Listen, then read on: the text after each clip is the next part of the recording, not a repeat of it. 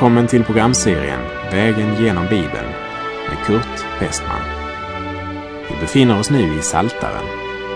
Slå gärna upp din bibel och följ med. Programmet är producerat av Norea Radio Sverige. Vi har nu kommit till den 52 salmen i Saltaren. Och den är den första av fyra sammanhängande profetiska salmer som pekar fram emot Antikrist, syndens människa, som vid den här tidshushållningens slut ska regera över världen. Dessa fyra salmer är undervisande salmer som ger oss en sann och djup undervisning om framtiden.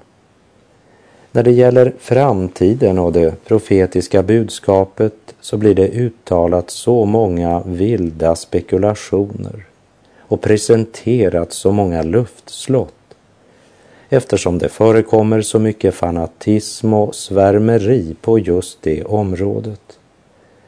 Och det är mycket som har sagts som aldrig skulle ha varit sagt.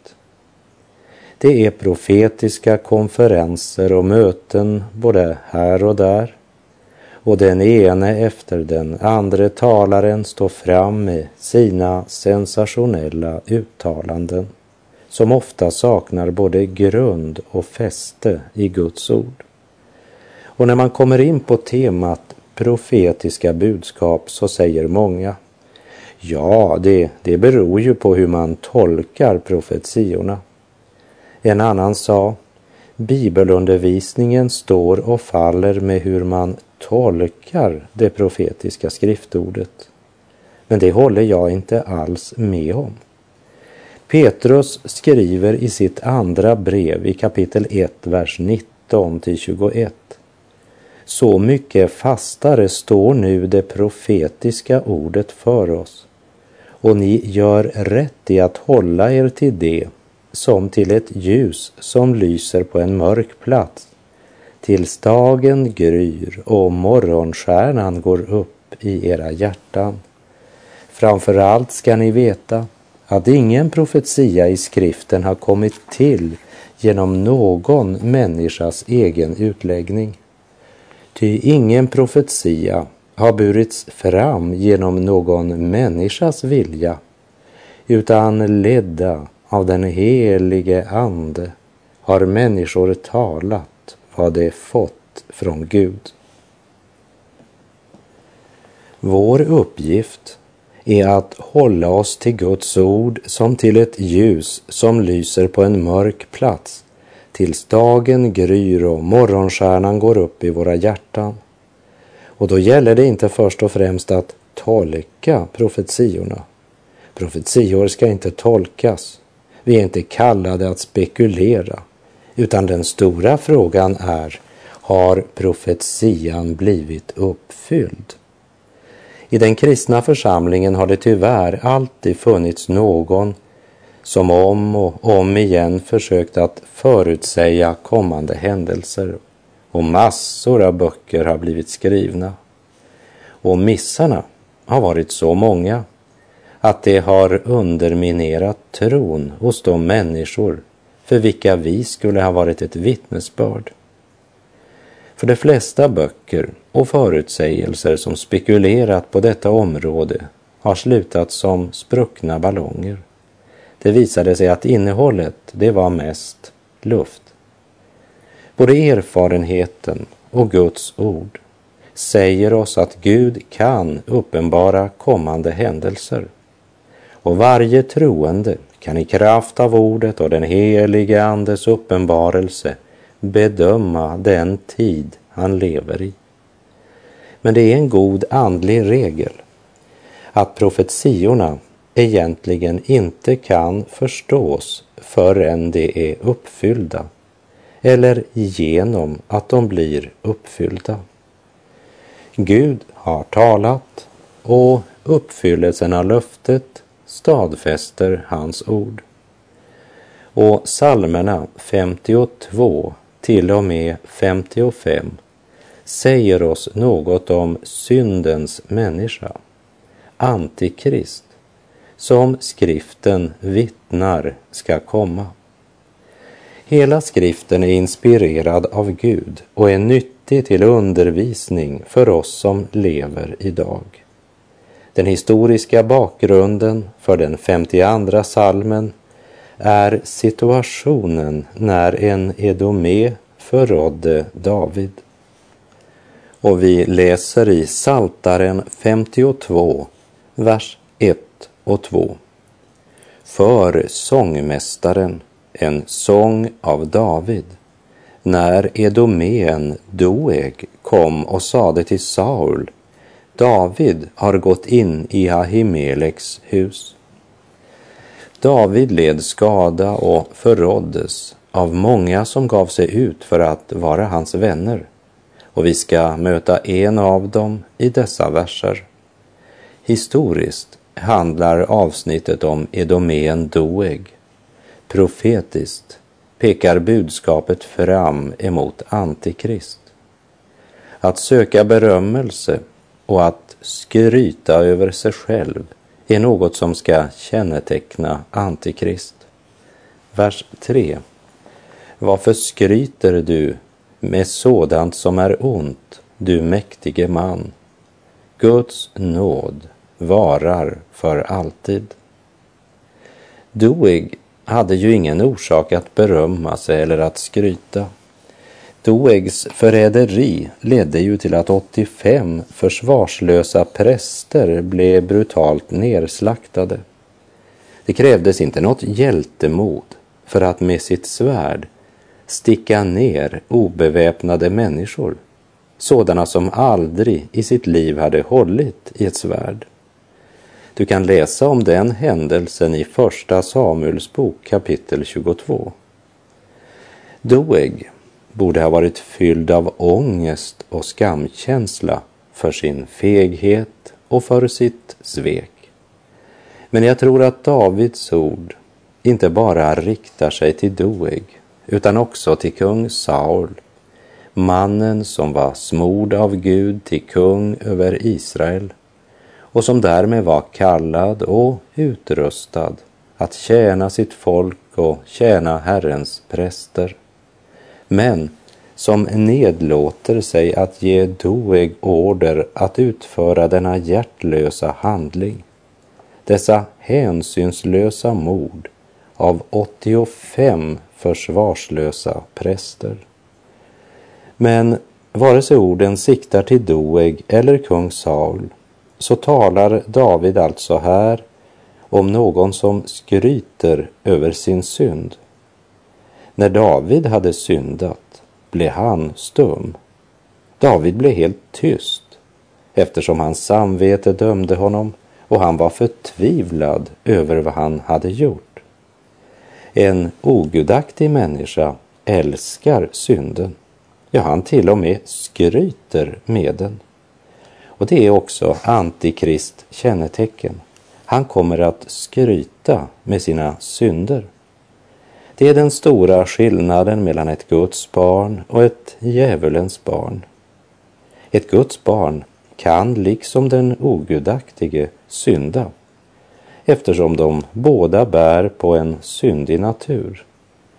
Men ett Guds barn skryter aldrig över sin synd utan skäms och sörjer djupt.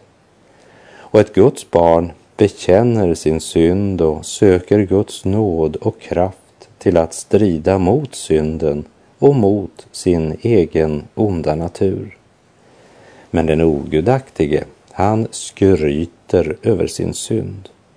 Och Antikrist kommer också att berömma synden. Därför kommer de ogudaktiga att älska honom när han träder fram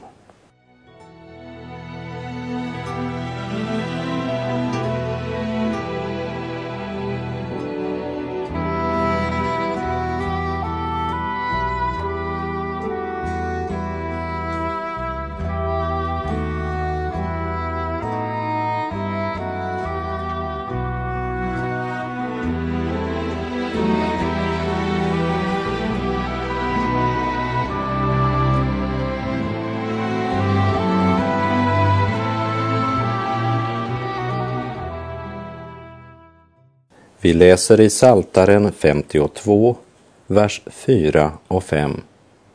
Din tunga far efter fördärv, den är lik en skarp rakkniv, du bedragare. Du älskar ont mer än gott, lögn mer än sanning, Sela.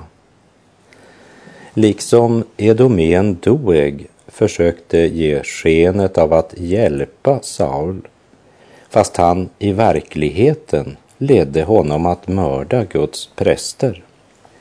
Så är den falska tungan skarp som en rakkniv som erbjuder dig en rakning så att du ska kunna rädda ansiktet, medan den i verkligheten skär av dig halsen. Så ska också synden och lögnen förblinda och förleda många människor under den tid då Antikrist tunga ska tala sitt budskap i ändetiden.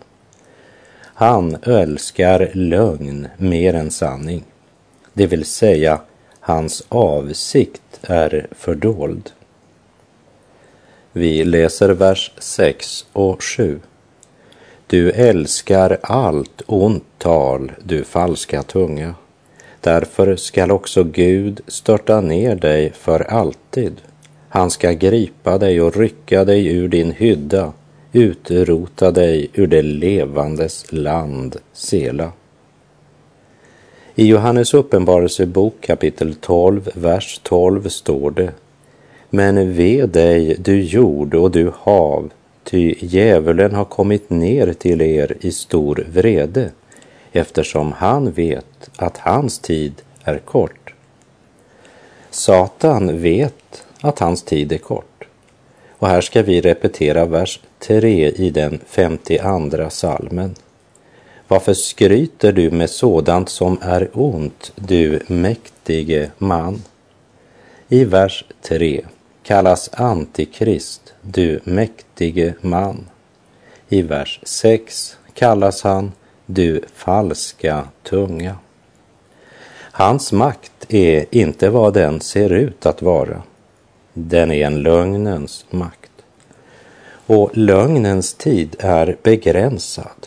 Den får ett slut liksom hela Antikrists välde hastigt ska få sitt slut. Och till sist så ska Gud störta ner honom för alltid, liksom Gud störtade ner Doeg från den höga ställning som han vunnit sig genom svek, lögn och bedrägeri. I Lukas 14, vers 34 och 35 säger Jesus Salt är bra, men om saltet mister sin sälta, hur ska man då göra det salt igen?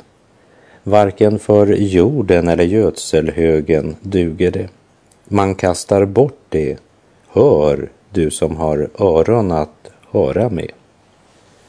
Och vi fortsätter Saltaren 52, verserna 8 till och med 11. Det rättfärdiga ska se det och frukta, det ska le åt honom. Se, där är en man som inte gjorde Gud till sitt värn. Han förlitade sig på sin stora rikedom, stark i sin lystnad. Men jag ska vara som ett grönskande olivträd i Guds hus. Jag förtröstar på Guds nåd alltid och för evigt. Jag skall tacka dig i evighet, ty du har gjort det. Inför dina fromma skall jag vänta på ditt namn, ty det är gott. Det kommer en dag då all lögn ska avslöjas. En dag då det inte finns någon räddning för den som inte hade Gud till sitt värn. För när människan läggs i graven, då är glädjen i världen förbi. Då har sanningens ögonblick kommit. Och då ska den troende vara som ett grönskande olivträd i Guds hus. Därför förtröstar jag på Guds nåd nu och för evigt. O Gud, all sanningskälla, jag tror ditt löftesord. Vad du har sagt ska gälla i himmel och på jord.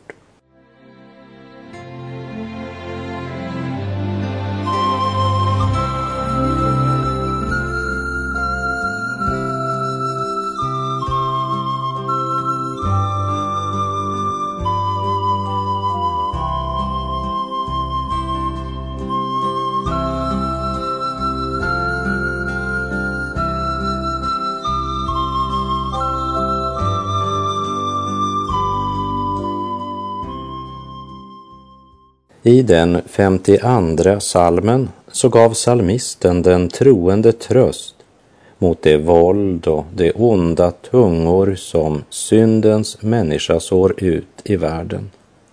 Och när vi nu kommer till den 53 salmen så möter vi här en bön om frälsning inför den rådande ondskan i ändetiden, där antikrist anda råder och där man förnekar den ende sanne Gud.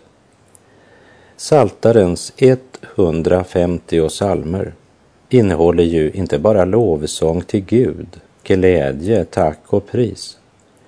Men här möter vi också sanningen om det fördärv som råder i världen efter syndafallet. Och den 53 salmen är sången om människans sjukdom. Om du efter programmets slut slår upp den fjortonde salmen så ser du att den fjortonde och den 53 salmen är mycket lika. Ändå är inte psalm 53 en repetition av den fjortonde salmen, utan den är ett starkt vittnesbörd om de erfarenheter salmisten hade gjort vid den tid då han skrev den fjortonde salmen och att det är fortfarande detsamma. Men år av erfarenheter får honom att skriva en förstärkt och förnyad psalm på samma tema. Skillnaden mellan psalm 14 och psalm 53 ligger bland annat i att den fjortonde psalmen där används ordet Jehova om Gud fyra gånger och ordet Elohim tre gånger medan psalm 53 använder ordet Elohim sju gånger och det är kännetecknande. Elohim eller Elohim är namnet på Gud som skaparen. Och det är just där som Guds förnekelsen ofta börjar. Det är relaterat till skapelsen. Guds ord som är Guds uppenbarelse av begynnelsen förnekas. Och då händer det att även sådana som kallar sig troende räknar de första kapitlen i Första Mosebok som myter eller som gamla legender. Och även om det inte är så många seriösa forskare som längre håller fast vid utvecklingsläran så accepteras den ändå fortfarande av många människor idag. En lärare på ett universitet, han uttryckte det så här vid en av sina föreläsningar. Vi tar inte något för säkert längre, inte ens Guds existens. Det är Antikrists anda. Han förnekar Fadern och förnekar framför allt Sonen eftersom det inte finns någon frälsning för människan utom genom Guds son. I sitt första brev skriver Johannes i kapitel 2 om vad som kännetecknar Antikrist. Jag läser Johannes första brev kapitel 2, verserna 21 och 22. Inte har jag skrivit till er därför att ni saknar insikt i sanningen utan därför att ni känner den och vet att ingen lögn kommer från sanningen. Vem är lögnaren om inte den som förnekar att Jesus är Kristus? Den är antikrist som förnekar Fadern och Sonen. Om du ska komma till Gud så är det genom tron du måste komma. Hebreerbrevet 11.6 säger Men utan tro är det omöjligt att behaga Gud. Ty den som kommer till Gud måste tro att han är till och belönar dem som söker honom. Förnekandet av Sonen, Frälsaren, Messias är ett av Antikrists kännetecken. I Andra Thessalonikerbrevet kapitel 2, vers 3 till och med 5 så skriver Paulus till de troende i Thessaloniki. Låt ingen bedra er på något sätt, ty först måste avfallet komma och laglöshetens människa, fördärvets son, öppet träda fram.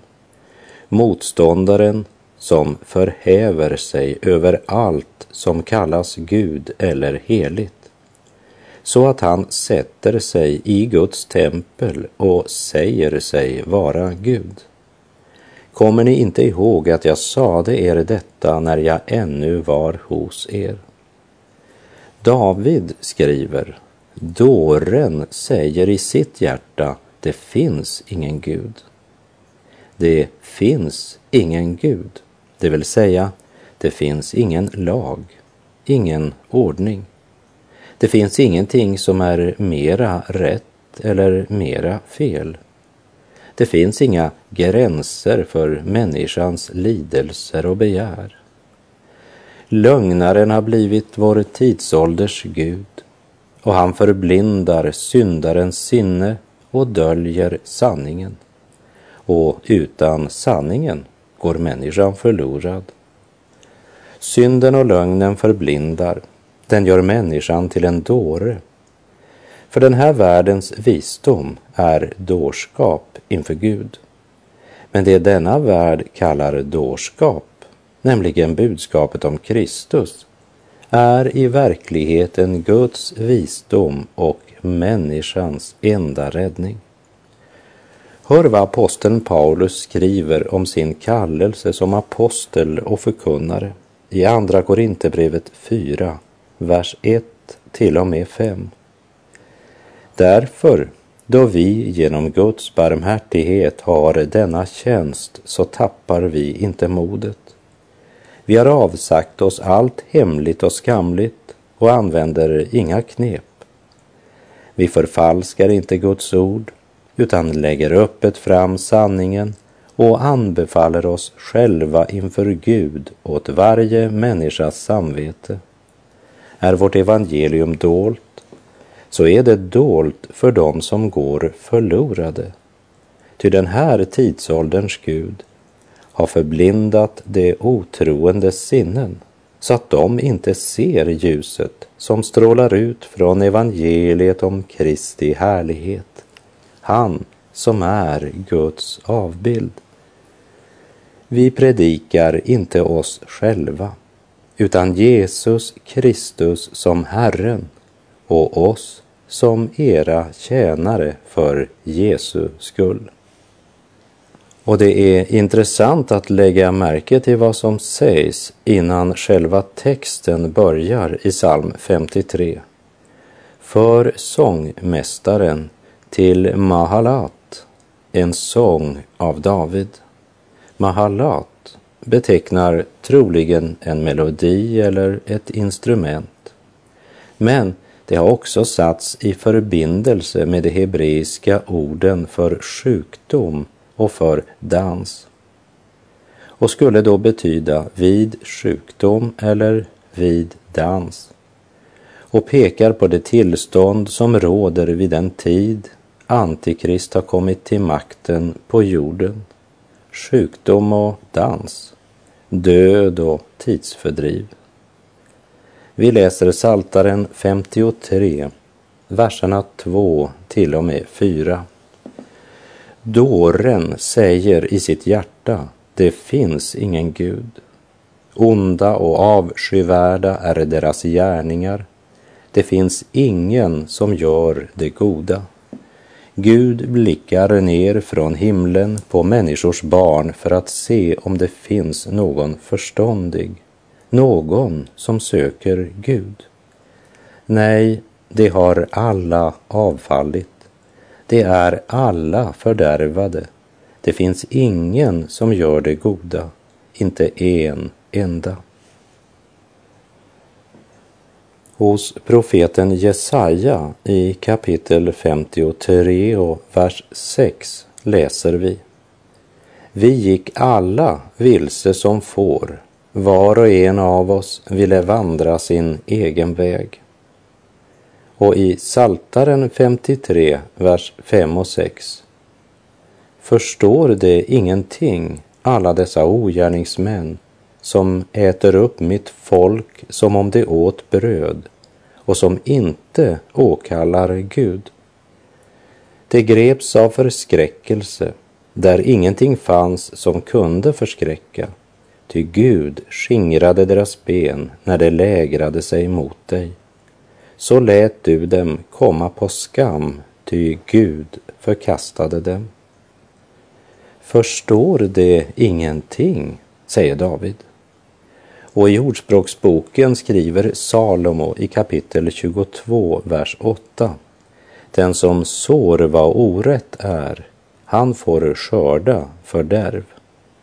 Och Galaterbrevet 6, vers 7 säger Bedra inte er själva. Gud bedrar man inte.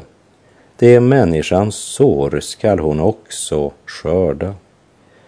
Ja, vad hjälper det en människa om hon vinner hela världen men förlorar sin själ?